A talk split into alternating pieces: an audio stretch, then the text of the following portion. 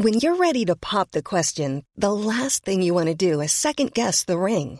At Bluenile.com, you can design a one of a kind ring with the ease and convenience of shopping online. Choose your diamond and setting. When you find the one, you'll get it delivered right to your door. Go to Bluenile.com and use promo code LISTEN to get $50 off your purchase of $500 or more. That's code LISTEN at Bluenile.com for $50 off your purchase. Bluenile.com code LISTEN. Ever catch yourself eating the same flavorless dinner three days in a row? Dreaming of something better? Well, HelloFresh is your guilt free dream come true, baby. It's me, Gigi Palmer. Let's wake up those taste buds with hot, juicy pecan crusted chicken or garlic butter shrimp scampi. Mm. Hello Fresh. Stop dreaming of all the delicious possibilities and dig in at HelloFresh.com. Let's get this dinner party started. Even when we're on a budget, we still deserve nice things. Quince is a place to scoop up stunning high-end goods for 50 to 80% less than similar brands. They have buttery soft cashmere sweaters starting at $50, luxurious Italian leather bags, and so much more. Plus, Quince only works with factories that use safe, ethical, and responsible manufacturing. Get the high-end goods you'll love without the high price tag with Quince. Go to quince.com slash style for free shipping and 365-day returns.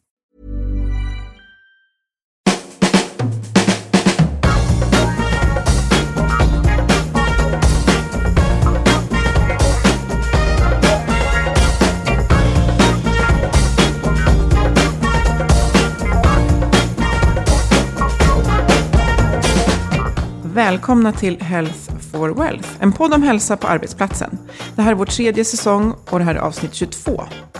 Jag heter Ann-Sofie Forsmark. Jag är hälsostrateg, civilekonom och hälsocoach.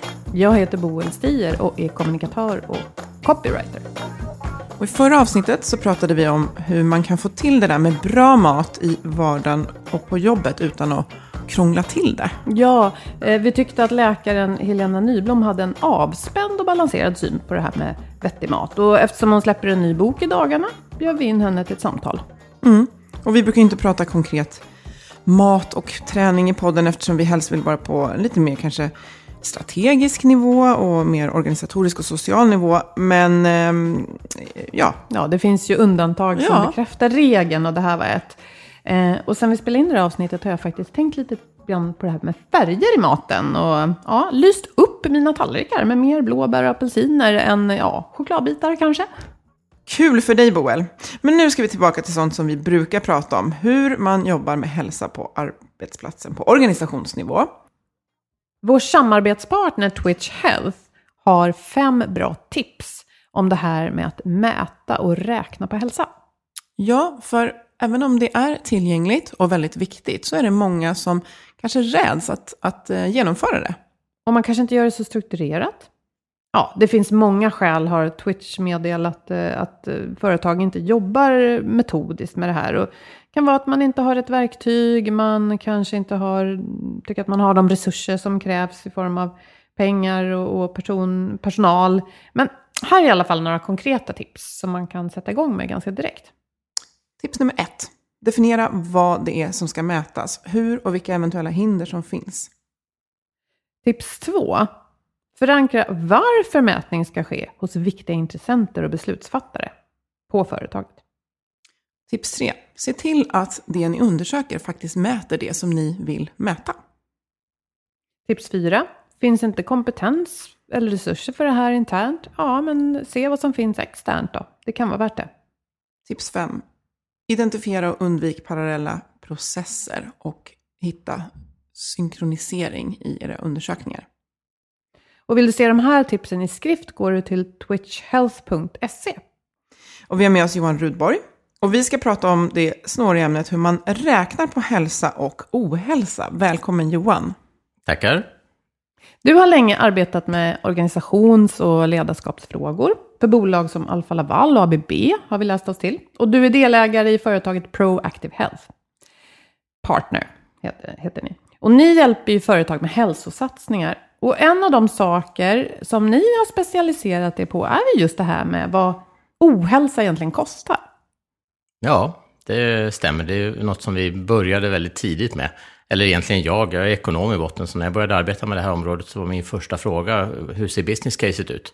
Mm. Och så frågade jag alla människor som höll på att arbeta med, med hälsa på företag och fick till svaret, jo men satsa en krona och få fem tillbaka. Eh, det har jag sett på en powerpoint för fem år sedan. Eh, men som ekonom så köper man ju inte riktigt sådana argument, så jag vill ju se hur ser beräkningen ut. Och då fick jag eh, antingen inga beräkningar alls, eller så fick jag tio stycken helt olika som alla var fel, rent ekonomiskt och matematiskt sett. Och därför så började, vi, började jag direkt ta fram en egen modell och ta fram forskning, vad som fanns faktiskt, som gick att bevisa. Är det en krona in och fem tillbaka? Nej, därför att det spelar ju ganska stor roll vad man lägger den där kronan på.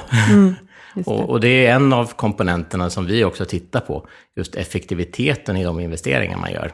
För den är ofta ganska låg, därför att man inte är särskilt medveten om riktigt vad det är som ger effekt och framförallt hur personalen ser ut och hur behoven ser ut hos dem. Jag blir lite nyfiken, när du säger att du gjorde det här, när i tiden var det? Hur många år sedan? Jag började med det här, eh, jag började arbeta inom det här området runt 2002. Så det är ett tag sedan, 14 år sedan nu då, om jag räknar, 15 blir det nästan. Ja. Mm.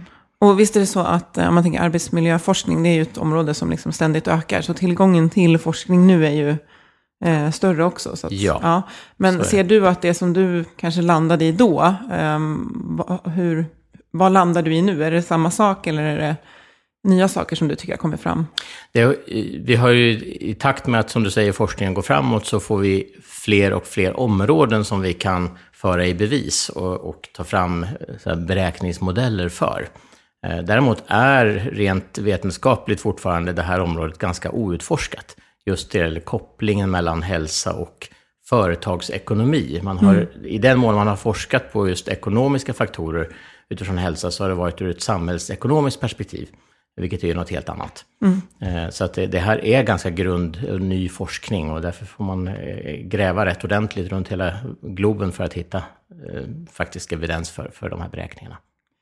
För, för det blir ju lätt det här att vi, eh, när vi pratar om ohälsa så, så, så ser man lätt en individ framför sig och den här personens lidande. Men eh, vi vet ju att det kostar mycket i reda pengar och, och, det är ju grunden till vår podd egentligen, den kopplingen. Det är därför vi sitter här. Så att, eh, både för den som är sjuk och för organisationen där, där hen jobbar. Och, eh, tycker du att den här insikten har ökat och tycker du att man agerar tillräckligt mycket på det?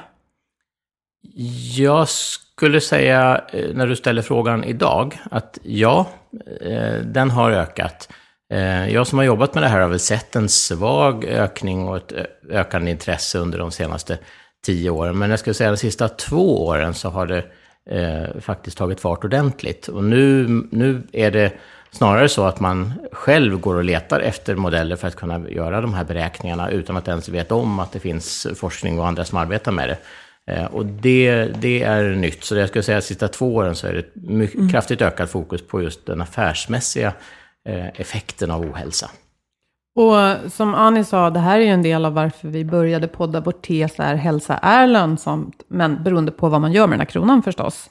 Men anledningen till att du sitter här just idag är att du har bidragit i arbetet med något som heter eh, arbetshälsoekonomiskt analysverktyg.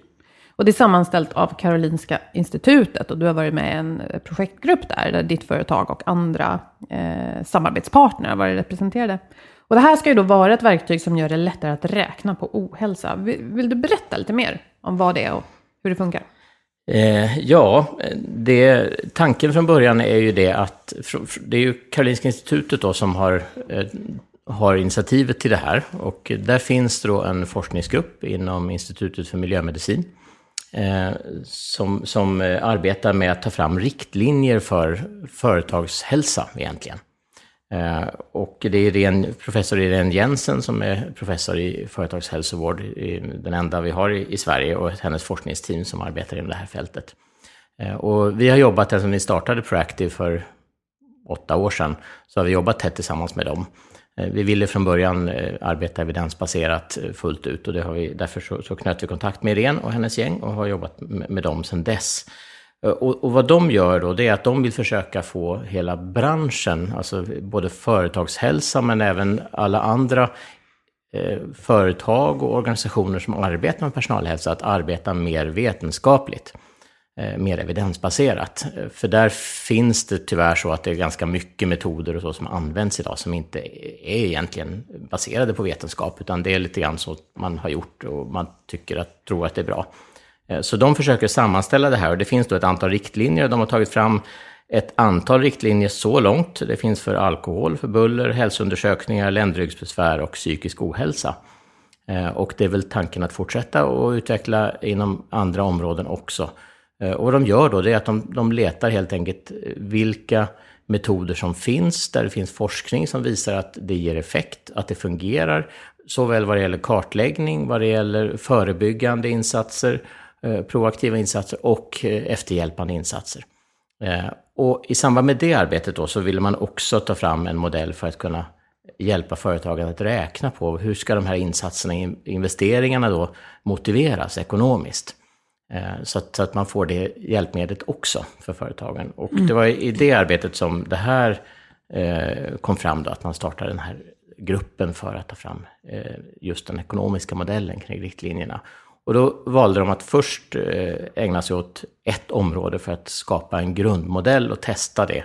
Eh, och då valde vi psykisk ohälsa som är eh, hett och eh, mm. eftertraktat just nu att arbeta med eftersom det är tyvärr någonting som har gått åt fel håll under lång tid, inte bara i Sverige utan i hela västvärlden.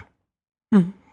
Så det är bakgrunden lite grann till att man tog fram det här verktyget. Och då satte man samman en, en grupp som bestod av representanter från, från forskningen förstås, från företagshälsa, från HR och företag, från företagsledning och ekonomer, Eh, både inom, inom medtech och inom, inom eh, hälsoekonomi och företagsekonomi. Eh, och tillsammans så har vi då jobbat med att ta fram den här riktlinjen. Det har tagit ett och ett halvt år, så det är ett ganska långt arbete som har pågått.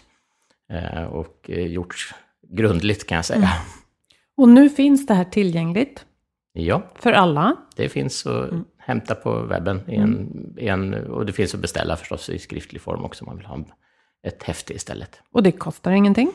Nej, det, mm. det här är ju forskning som är, ska föras ut och kommuniceras ut till allmänheten. Det är det som är fördelen med, med vetenskapligt arbete. Mm, underbart. Vi kommer att lägga en länk i inlägget på mm. vår hemsida där man kan hitta mm. den här länken. Mm. Och eh, jag har ju lusläst den här såklart, eh, ekonom som jag är och tycker att det är, det är fantastiskt. Men eh, det finns ju mycket referenser långt längst bak då som bilagor eh, till den här. Och, och, där ser jag att det är mycket hänvisningar till, till offentlig sektor. Eh, passar den för alla organisationer ändå? Ja, eh, att det finns Eh, referenser till offentlig sektor. Det är inom en del områden där det, vi har till exempel hämtat data från medarbetarundersökningar och från en del andra sådana källor som är svåra att få, få fatt på när det gäller privat sektor. Eh, men, men det är egentligen ingenting som påverkar de ekonomiska beräkningarna, utan det påverkar vissa grunddata. Vi försöker ge referensdata som man kan använda om man inte riktigt vet hur det ser ut på mitt företag. Eh, och då har vi, har vi samlat på oss en lång rad datakällor som vi då har sammanställt och som vi ger tips på i den här eh, riktlinjen, då, hur man kan arbeta med det. Eh, men, och, och, det är hämtat delvis ur, ur sådana källor och att det är en övervikt i de källorna på offentlig, sektor, det är helt enkelt tillgängligheten som har gjort det. Mm. Men i, i de referenser vi ger så tar vi hänsyn till, till alla typer av verksamheter och det beskrivs också i, i arbetet. Mm. Det är väldigt, eh, det är väldigt pedagogiskt. Och eh, som sagt, jag, jag, har tittat och vridit och vänt på det. Och, och, och, ni hjälper ju till där, även om som du säger att man inte har vissa kända fakta. Så kan man göra antaganden som ändå är baserade på liksom vetenskapligt, ja, vetenskapliga undersökningar. Så att det är ingenting som är taget ur luften på något sätt. Så, eh, men när tycker du att man ska använda det här verktyget? När är det dags? Jag tycker att man kan använda det vid lite olika tillfällen. Eh, det första är ju naturligtvis när man på något vis vill, vill ta reda på, Eh, kostar vår personals ohälsa någonting? Just psykisk ohälsa, det är rätt svårt att ta på. Eh, stressade människor. Vi ser att naturligtvis folk blir sjuka, kanske eh, går in i väggen och blir långtidssjuka. Men, men, men vad är kostnaden för, för det och vad är kostnaden för de som är på jobbet och som inte mår bra psykiskt? Så det är det första, att man överhuvudtaget vill ta reda på det. Då kan man göra det i det här verktyget. Nästa, det är ju att kunna kommunicera det här mot företagsledning, mot ekonomiska beslutsfattare och kunna visa att här finns det faktiskt en, en kostnad. Eh, ofta ser man insatserna som en kostnad, men det är ju en investering mm. för att minska kostnader. Och då måste man ju kunna visa på både kostnaderna, men också göra korrekta beräkningar av insatser. För det är också slarvas rätt mycket med på företag. Kanske beroende på att de som gör insatser och, och, och arbetar med det här, det är det är inte ekonomer, utan det är, det är människor på, på HR-avdelningar som är duktiga på, på det de gör, men de har svårt att få med allting och tänker inte riktigt på det. Vilket gör att företagsledningar eh, lite grann skjuter i sank och tycker, tycker att äh, men det där kan vi stryka på. Eh, så att verktyget hjälper ju till att både räkna på ohälsokostnaden, men också på eh, effekter av insatser och på själva insatskostnaden som sådan också. Så att man kan göra ett riktigt business case och i slutändan få en, en ROI, då, en return on investment-beräkning egentligen. Så det, den sträcker sig hela vägen fram för att kunna göra investeringsberäkningar. Då. Och hur ser det ut? Eh, du Annie har ju läst dokumentet, det har inte riktigt jag. Eh, och inte merparten av läsarna heller. Så jag tänkte be er hjälpa mig att få en bild av hur det funkar. För du nämnde ju, ja, psykisk ohälsa, det syns inte alltid. Eh, när man väl är sjukskriven till exempel, ja men då är det ju lätt att se. Hur fångar ni upp det innan man då till exempel är sjukskriven eller frånvarande från jobbet? Mm. Då, det är ju egentligen det som är den stora kostnaden och det ser man också när man börjar räkna på det här så upptäcker man att en tre fjärdedelar av totala kostnaden är just människor som är på jobbet. Eh, för om du har kanske 2, 3, 4 procent av personalen som är sjukskrivna så har du ju fortfarande 97-98 procent som är på jobbet. Och, och, och, en, en liten, liten nedsättning i snitt på de där 97-98 procenten så blir det väldigt mycket större pengar än vad kostnaden för de här 3-4 procenten som är borta är. Och nedsättning att, av hälsa och produktivitet. Precis, mm. och det, det, slår ju på väldigt många olika faktorer. Och det, det, var första steget i forskningen som vi gjorde, att egentligen kartlägga vad finns det för evidens på hur psykisk ohälsa påverkar personer i arbetslivet. Mm. Eh, och det har vi då listat ett antal sådana faktorer. Det är allt från personalomsättning till produktivitet, till lojalitet, eh, employer branding, eh, det är en lång rad faktorer, kvalitetsfaktorer och så vidare. Så det är, det är ganska många faktorer som, som påverkas direkt eller indirekt. Och utifrån det har vi då i, i, i, gruppen valt vilka faktorer vi faktiskt kan arbeta med för att inte göra det alldeles för komplext.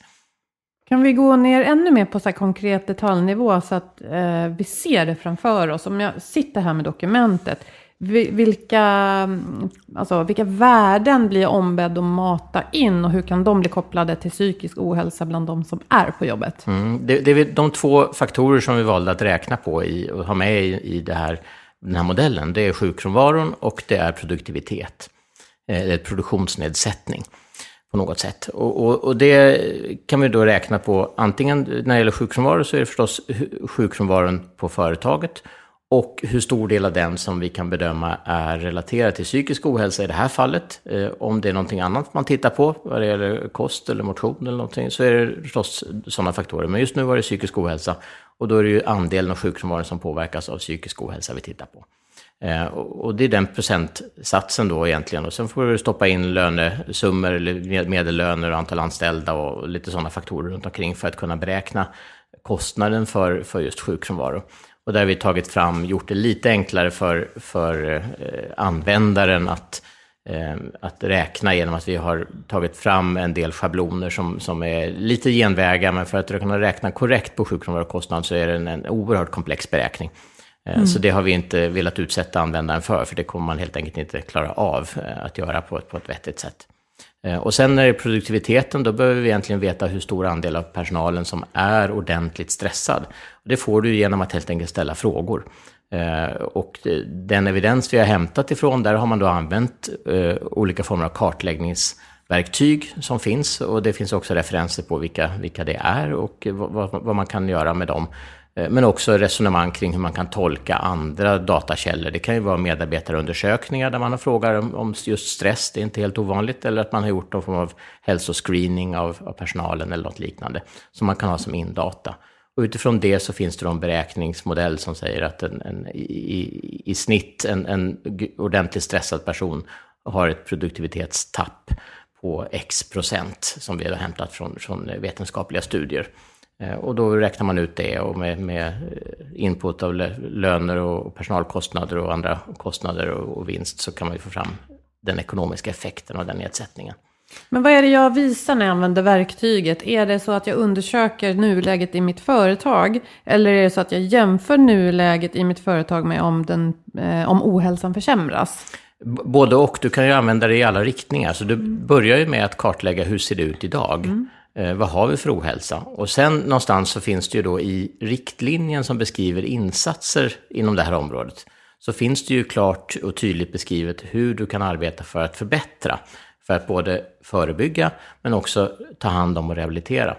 Eh, och, och, och då får du utifrån ett, en plan göra en, en, en, investering och säga att ja, men vi, behöver, vi vill förbättra, vi, vi, vi, behöver förbättra, eller vi ser att det här kommer att försämras ytterligare, då får du en, en alternativkostnad att ta hänsyn till. Om du vill göra insatser så får du säga, men gör vi de här insatserna så borde vi kunna minska stressen med 20 procent.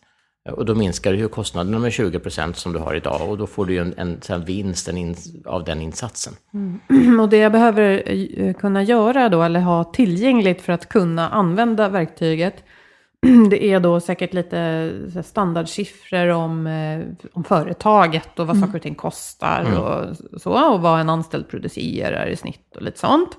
Eh, men sen behöver jag också ställa lite frågor, alltså det är en kvalitativ del av studien. Ja. ja. Du, du, behöver ju på något vis kartlägga, du behöver ha en, en, en input på hur stor andel av din personal som är stressad. Mm. Eh, det finns också vägledning, vi, vi har redovisat ganska mycket statistik och datakällor kring just eh, och hur det här ser ut. Och det är bland annat därför, där vi har hämtat det här vi pratade om tidigare från olika datakällor, mm. Eh, just andel stressade i medarbetarundersökningar och i nationella kartläggningar och internationella kartläggningar. Så att vet man inte det, man har ju aldrig ställt den frågan på företaget, så kan, vi, kan man ändå göra ett, ett antagande att ja, vi ser nog ut ungefär som resten av Sverige. Mm. Och då kan man få en vägledande siffra som man kan stoppa in i kalkylen och säga att det, gör vi det så borde det här innebära att vi har så här mycket psykisk ohälsa och så här stor kostnad för det. Och det var det som jag gjorde lite, utan att skriva ner någonting så gjorde jag det. Och jag kan säga att eh, det blir ganska dyrt. Alltså det blir ganska dyrt och det vet vi. Öppnar vi en dagstidning idag så vet vi hur, hur det ser ut. Och, och tar man bara och plockar en random organisation i Sverige och, och, och, och de är typiska så är det så att kostnaderna för sjuknärvaro och sjukfrånvaro relaterat till psykisk ohälsa är ju väldigt hög. Det här, det här vet vi ju. Så eh, det här verktyget är ju så bra på det sättet att du kan sitta egentligen med en årsredovisning utan en medarbetarundersökning, men utgå från eh, de här studierna som ni hänvisar till och få fram ett antagande som absolut inte är liksom taget ur luften. Och man kan säga att okej, okay, det här är inte exakt, för jag tittar också på era beräkningar, att ni har ju inte lagt på, utan ni har ju snarare sagt att så här, vi tar det mindre. Ja. Liksom att en produktivitetsnedsättning när man är stressad, ja det kan, vara, det kan ju vara liksom 20 procents påverkan, men ni har använt 9 procent tror jag det var. Precis. Eh, så att man kan, det är inte tagit i över, överkant, och jag gjorde en liten sån här, bara liksom hypotetisk uträkning, det, det är enorma summor. Enorma summor. Och det, och det är som sagt var, precis som du säger, trots att vi medvetet har valt hela tiden att gå på, på den absolut lägsta, evidens, lägsta evidensen vi kan hitta. Vi har hittat studier som eh, visar på betydligt högre påverkan, men vi har tagit den lägsta. Mm. Det gjorde vi medvetet för att det, det ska inte gå att, att skjuta kalkylen i sank på grund av att det, det, mm. man har tagit i för mycket, utan vi har verkligen väsat eh, förväntningarna på vad som kan komma ut. Och trots det, som du säger, det blir stora summor. Mm. Mm. Ja, för det är ju, jag måste bara säga det också. Dels så kan ju kan man få det här motargumentet att ja, men den psykiska ohälsan kanske inte beror på något som har med jobbet att göra. Nej, förvisso, men man kan åtgärda det på jobbet. men sen också det här att vi människor är ju ibland inte friska. Mm. Inte all, vi är inte alltid friska, så att jag menar, det måste också finnas eh, någon slags vad ska jag säga, tolerans för att vi är människor. Absolut. Eller hur? Så att man inte ska utradera sjukdom. För det, ja. Och det är väldigt viktigt överhuvudtaget när man räknar på ohälsa. Det är någonting som jag är väldigt noga med att poängtera. Att vi, eh, vi räknar ju aldrig från någon sorts optimal nivå av maximal prestation dit alla ska nå.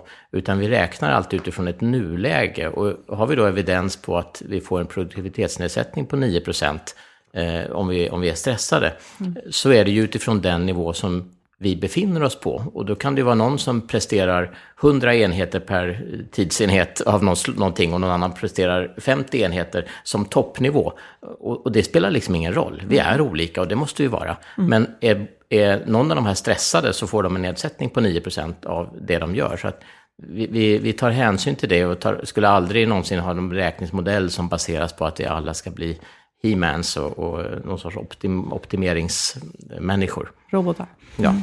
Och lite som du fiskade efter det, vad man kunde använda det till. Just att man, eh, man kan ju då också säga så här, givet att vi har gjort den här beräkningen och vi tror att den psykiska ohälsan kostar så här mycket, så skulle vi vilja göra den här insatsen av något slag som då kanske kostar, oftast kostar betydligt mindre. Och där kan man också räkna fram, vad är den minsta effekten vi måste få till för att den här insatsen i alla fall ska betala sig. Så då kommer vi in på det här return on investment och det är ju return on investment, det är ju liksom ett uttryck som man gillar att, att använda när man är mm. företagare, oavsett om det handlar om liksom vinstoptimering eller resursoptimering. Så, så det, är ju ett, det blir ett businessverktyg, tycker mm. jag, som, som gillar att räkna. Mm. Mm. Jag tyckte det var intressant som du sa där, att man eh, kan, alltså vem som helst som lyssnar på det här kan bara ta lämplig årsredovisning och verktyget och faktiskt få fram någonting, mm. en indikation på någonting redan så. Mm. Det var en uppmaning. Gör det över helgen, säger vi. Mm. Precis. Mm. Eh, 2013, det är några år sedan nu, släpptes en ganska mastig artikel i DI. Där ni på Proactive Health Partner presenterade att ohälsan i form av alkohol, sömnbesvär, stress, rökning, sjukfrånvaro och så vidare, samt dålig kondition ska jag lägga till, står för 74 miljarder i ohälsokostnader hos de 100 största företagen sett till antal medarbetare. Ja, eh, mycket pengar. Vill du berätta lite hur ni räknade här och hur, hur artikeln togs emot? Ja, eh, kul att du frågar. Det är några år sedan eh, just den artikeln var, men vi får faktiskt fortfarande frågor kring den artikeln. Så mm, precis som ni så är det uppenbarligen fler som har lagt den här på skrivbordet eller satt upp den på väggen någonstans. Eh, det verkar som den har slagit an en, en, en sträng. Och det är många som eh, refererar till den. Vi hittar den, om vi söker på nätet så, så hittar vi den på flera håll. Andra har, har refererat. Och det är jättekul.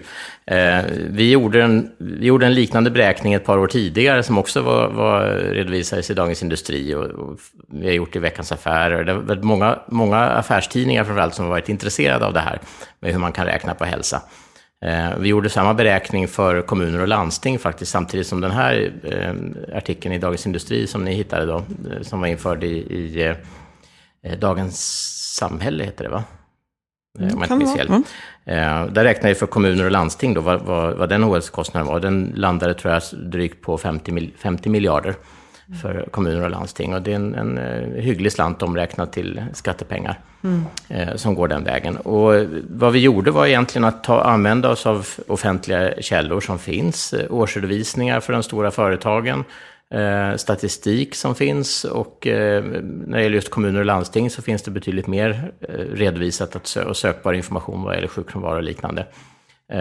och första gången vi gjorde det här 2000 11 vill jag minnas, då gjorde vi också en del intervjuer med, med HR-chefer på de stora företagen för att få fram lite mer grunddata och kunna tolka eh, den data som vi fick fram på ett bättre sätt. Eh, så det har hjälpt oss också i beräkningarna. Sen har vi i princip använt vår beräkningsmodell på alla de här företagen och kommunerna och landstingen eh, och stoppat in de siffror som vi har fått fram och låtit beräkningsmodellen göra, göra jobbet och ta fram datat och det är det vi har summerat ihop sen. Och det, här, det här är samma fråga som Annie ställde tidigare, men lite omformulerad. Eh, eftersom det har gått några år nu och du har suttit i nästan två år med gruppen eh, som KI har hållit i kring det här nya verktyget. Skulle du säga att siffrorna står sig? Ja, alltså vi vet ju att ohälsan har ökat. Så att bara, bara det faktumet mm. gör ju att det är högre kostnader idag. Eh, betydligt högre kostnader idag än vad det var om det var 2013, 2014 hade jag för mig det var, men det kanske var 2013. Mm. När vi gjorde det här. Det har ju gått några år, så att, mm. ja, de har ju mm. ökat. Och sen finns det ju, vi har ju bara med en del faktorer i de här beräkningarna. Eh, det vi räknade på där, det var förutom sjukfrånvaro så var det stress, det var sömn, det var tobak, eh, alkohol och kondition. Så ni tog ett mycket större grepp om hälso, ja, ni tolkade hälsa mm. vidare den här gången. Men något som jag är lite intresserad av, för jag, vi, har, vi hör hela tiden att det här är väldigt, väldigt efterfrågat och intressant. Att sätta siffror eh, på vad det kostar med ohälsa, men också att man är inte alltid riktigt ensam hur man ska räkna. Nej. Tror du att det här steget nu med det här allmänt tillgängliga verktyget kan vara ett steg på vägen mot en standardisering av hur vi räknar? Ja, det är ju lite grann vad vi hoppas på från, från KIs sida också och den gruppen som har arbetat att vi ska få ett, en, en standard. Och nästa steg i det arbetet eh, är ju nu att just göra det här till en, en, generell beräkningsmodell, inte bara för psykisk ohälsa som vi har gjort nu, utan även för överhuvudtaget om man räknar på hälsa och sjukfrånvaro. Eh, och då är ju tanken att det ska kunna bli en standard som vi ska kunna använda, som alla ska kunna använda och redovisa på samma sätt. Och då tänker jag lite där att, eh, för du, du sa också lite att det är ju ett eftersatt område, det här med forskningen om arbetsmiljö, men det händer väldigt mycket. De senaste två åren har det hänt väldigt mycket. Eh, ohälsotalen i Sverige och, och, Europa för den delen, det, det händer ju saker med dem. Vi alla här hoppas ju att de ska liksom vända. Eh, men jag tänker att era, de här schablonerna, eh, de kommer ni behöva uppdatera dem, tänker jag. För där kan det ju vara att om man inte kan så använder man de här, men händer det saker så måste ni uppdatera. Ja, ja så, så är det naturligtvis. Och det är ju framför allt när det gäller sjukfrånvaron till exempel, så, så en regelförändring. Det har ju pratats till och från olika, i olika sammanhang om eh, eh för förslag på extra karensdag vid dag 15 och sånt där. Det är klart det påverkar direkt eh, Eh, både sjukfrånvaron men inte minst den eh, ekonomiska matematiken. Och den typen av förändringar måste naturligtvis hela tiden uppdateras för i så fall. Nu sker det ju gudskelov inte så jätteofta. Däremot så referensdatat är väl någonting som också behöver uppdateras med, med nya referensvärden löpande och det får man väl hitta formerna för. Det tror jag inte att man riktigt definierat ännu på, på, i den här forskningsgruppen hur man ska kunna eh, an, göra i, i fortsättningsvis. Men, men det får man väl ta ansvar för att försöka uppdatera löpande, kanske årsvis eller liknande. Mm. Ehm, och det här med alkohol och sömnbesvär och stress och rökning, gör ni någon, eh, kommer ni göra någon ny sån eh, beräkning tror du? Vi, alltså, vi, jag har inte, just nu har vi inte planer på det, men det kan mycket väl hända. Vi gör ju det från Proactive sida gentemot våra kunder löpande. Eh, I allt, allt högre grad varefter man vill, vill veta och, och kunna få en, en, beräkning på sin ohälsa. Så i vår modell som vi har så, så, ingår ju alla de här faktorerna som vi räknar på. Mm. Ja, vi får väl uppmana våra lyssnare att använda det här verktyget och, och sprida det, för att det är väl första steget mot att få jag gissar att det är mycket finansiering det handlar om för att komma vidare med det samhälls, eh, alltså det här allmänna verktyget. Ja, det är det ju alltid i forskningsvärlden. Mm. Mm.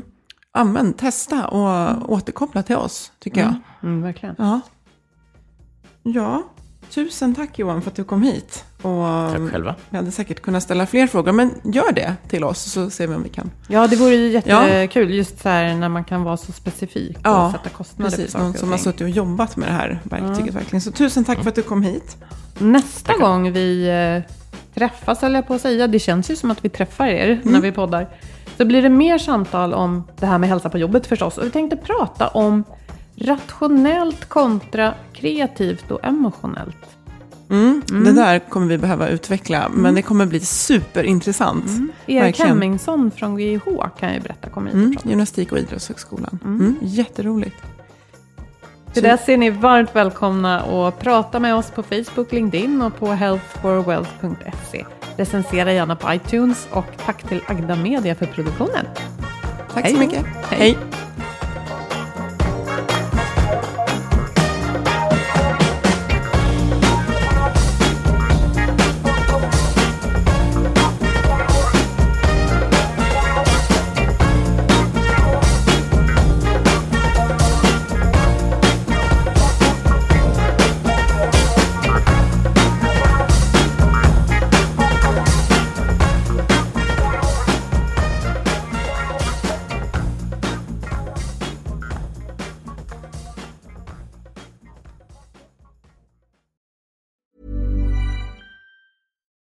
Deserves the best, and there's no better place to shop for Mother's Day than Whole Foods Market. They're your destination for unbeatable savings, from premium gifts to show-stopping flowers and irresistible desserts. Start by saving 33% with Prime on all body care and candles. Then get a 15-stem bunch of tulips for just $9.99 each with Prime. Round out Mom's menu with festive rosé, irresistible berry chantilly cake, and more special treats. Come celebrate Mother's Day at Whole Foods Market. Hi, I'm Daniel, founder of Pretty Litter. Did you know cats tend to hide symptoms of sickness and pain? I learned this the hard way after losing my cat, Gingy. So I created Pretty Litter, a health monitoring litter that helps detect early signs of illness by changing colors, saving you money and potentially your cat's life. Pretty Litter is veterinarian developed, and it's the easiest way to keep tabs on your fur baby's health right at home. Go to prettylitter.com and use code ACAST for 20% off your first order and a free cat toy. Terms and conditions apply. See site for details. Ever catch yourself eating the same flavorless dinner three days in a row? Dreaming of something better? Well, HelloFresh is your guilt free dream come true, baby. It's me, Gigi Palmer. Let's wake up those taste buds with hot, juicy pecan crusted chicken or garlic butter shrimp scampi. Mm. Hello Fresh. Stop dreaming of all the delicious possibilities and dig in at HelloFresh.com. Let's get this dinner party started.